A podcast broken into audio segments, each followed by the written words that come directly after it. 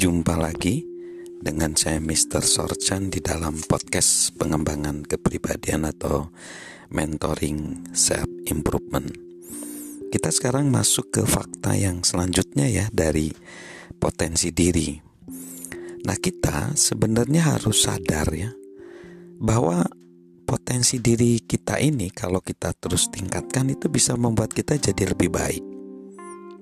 Nah, itu kesadarannya. Jadi sebenarnya segala pertumbuhan yang bertahan lama itu sebenarnya membutuhkan kesadaran.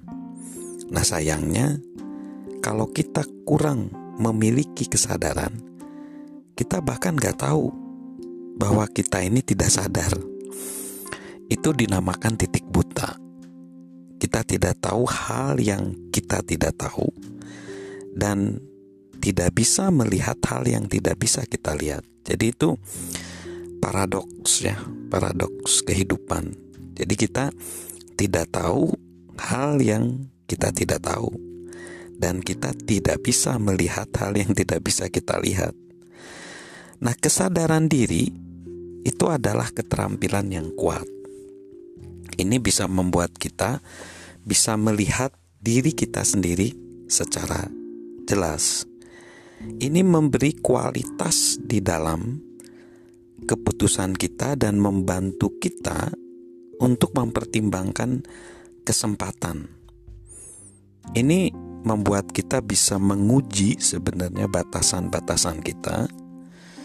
Ini bisa memberdayakan kita juga untuk memahami orang lain ini juga bisa memperkuat hubungan kita dengan orang lain, dan ini bisa e, memaksimalkan kekuatan kita dan meminimalkan kelemahan kita.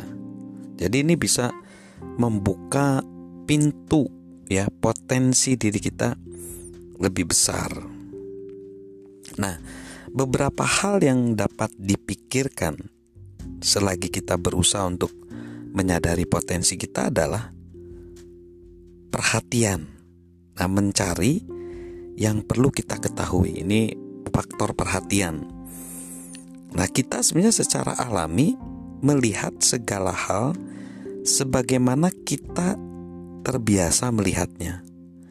Bila ingin meningkatkan potensi, kita perlu melihat secara berbeda. Kita harus mau melihat diri kita dan dunia kita dengan cara baru. Kita harus memperhatikan dan mencari hal-hal yang perlu kita ketahui. Lalu yang yang selanjutnya kesadaran itu. Kesadaran ini menemukan yang perlu kita ketahui. Menemukan yang perlu kita ketahui apa yang menghambat orang mencapai potensi maksimal sering kali bukan kurangnya keinginan tetapi kurangnya kesadaran. Sayangnya, manusia tidak kebetulan sadar diri. Jadi sadar diri itu bukan kebetulan, perlu di di trigger gitu.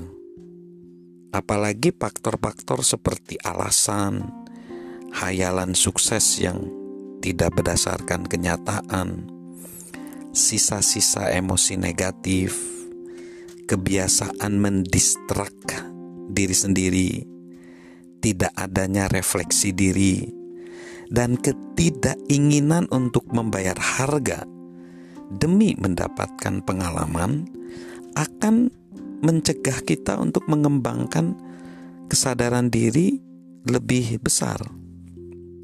Jadi, sebagian besar orang yang telah mengembangkan kesadaran diri telah melawan satu atau beberapa faktor tersebut demi mencapai potensi mereka sekarang.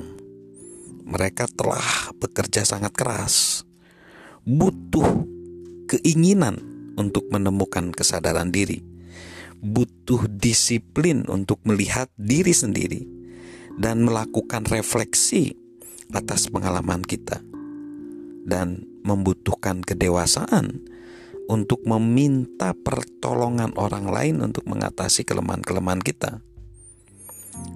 menjadi sadar diri juga membutuhkan bantuan dari orang lain yang bisa melihat dengan jelas ya ke ke dalam diri kita melihat diri kita kita perlu menemukan seorang teman kolega mentor atau anggota keluarga yang bisa dipercaya untuk bisa membantu kita mengarahkan kita memberi umpan balik yang jujur dan terus menerus.